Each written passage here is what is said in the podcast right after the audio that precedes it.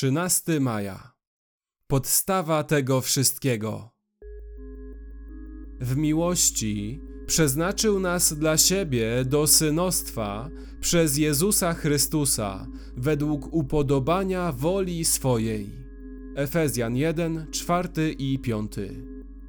Doświadczenie Charlesa Spurgeona nie jest ponad możliwości każdego innego chrześcijanina. Spurgeon, który żył w latach 1834 do 1892, był rówieśnikiem i przyjacielem George'a Mullera i Hudsona Taylora. Przez ponad 30 lat służył w Metropolitan Tabernacle w Londynie, będąc najsłynniejszym pastorem swoich czasów.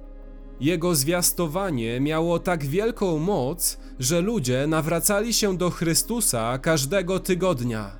Jego kazania są wciąż dzisiaj drukowane, a on sam jest uważany przez wielu jako wzór zwyciężania dusz.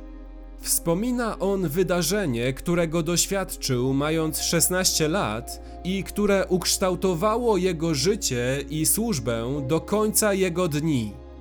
Kiedy przychodziłem do Chrystusa, myślałem, że wszystko robię sam i chociaż gorliwie szukałem Pana, nie miałem pojęcia, że Pan szukał mnie. Nie sądzę, że młody nawrócony jest tego świadom na początku.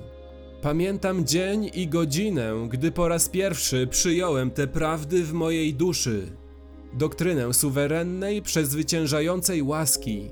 Gdy zostały one, jak mówi John Bunyan, wypalone w moim sercu jakby gorącym żelazem.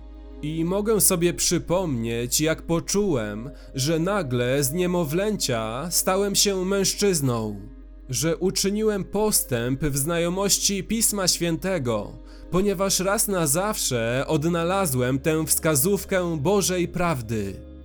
Pewnej nocy, gdy siedziałem w domu Bożym, nie myślałem zbyt wiele o ogłoszonym kazaniu, ponieważ nie wierzyłem w to. Uderzyła mnie myśl: jak stałeś się chrześcijaninem? Szukałem Pana. Ale jak to się stało, że zacząłeś szukać Pana? W jednej chwili dotarła do mnie prawda. Nie szukałbym go, gdyby nie jakiś wcześniejszy impuls w moim umyśle, który sprawił, że zacząłem go szukać. Pomodlę się, pomyślałem, ale potem zadałem sobie pytanie: jak to się stało, że się modlę? Do modlitwy skłoniło mnie czytanie Pisma Świętego. Jak to się stało, że zacząłem czytać Pismo Święte? Czytałem je, ale co mnie do tego skłoniło? Wtedy, w jednej chwili, zobaczyłem, że Bóg jest u podstaw tego wszystkiego i że On jest autorem mojej wiary. I tak otworzyła się przede mną cała nauka o łasce, od której nie odstąpiłem do dnia dzisiejszego i pragnę, aby to było moim nieustannym wyznaniem.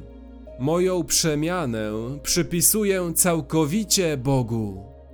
A jak jest z Tobą? Czy przypisujesz swoje nawrócenie w całości Bogu? Czy On jest podstawą tego wszystkiego? Czy to sprawia, że wielbisz chwałę Jego suwerennej, przezwyciężającej łaski?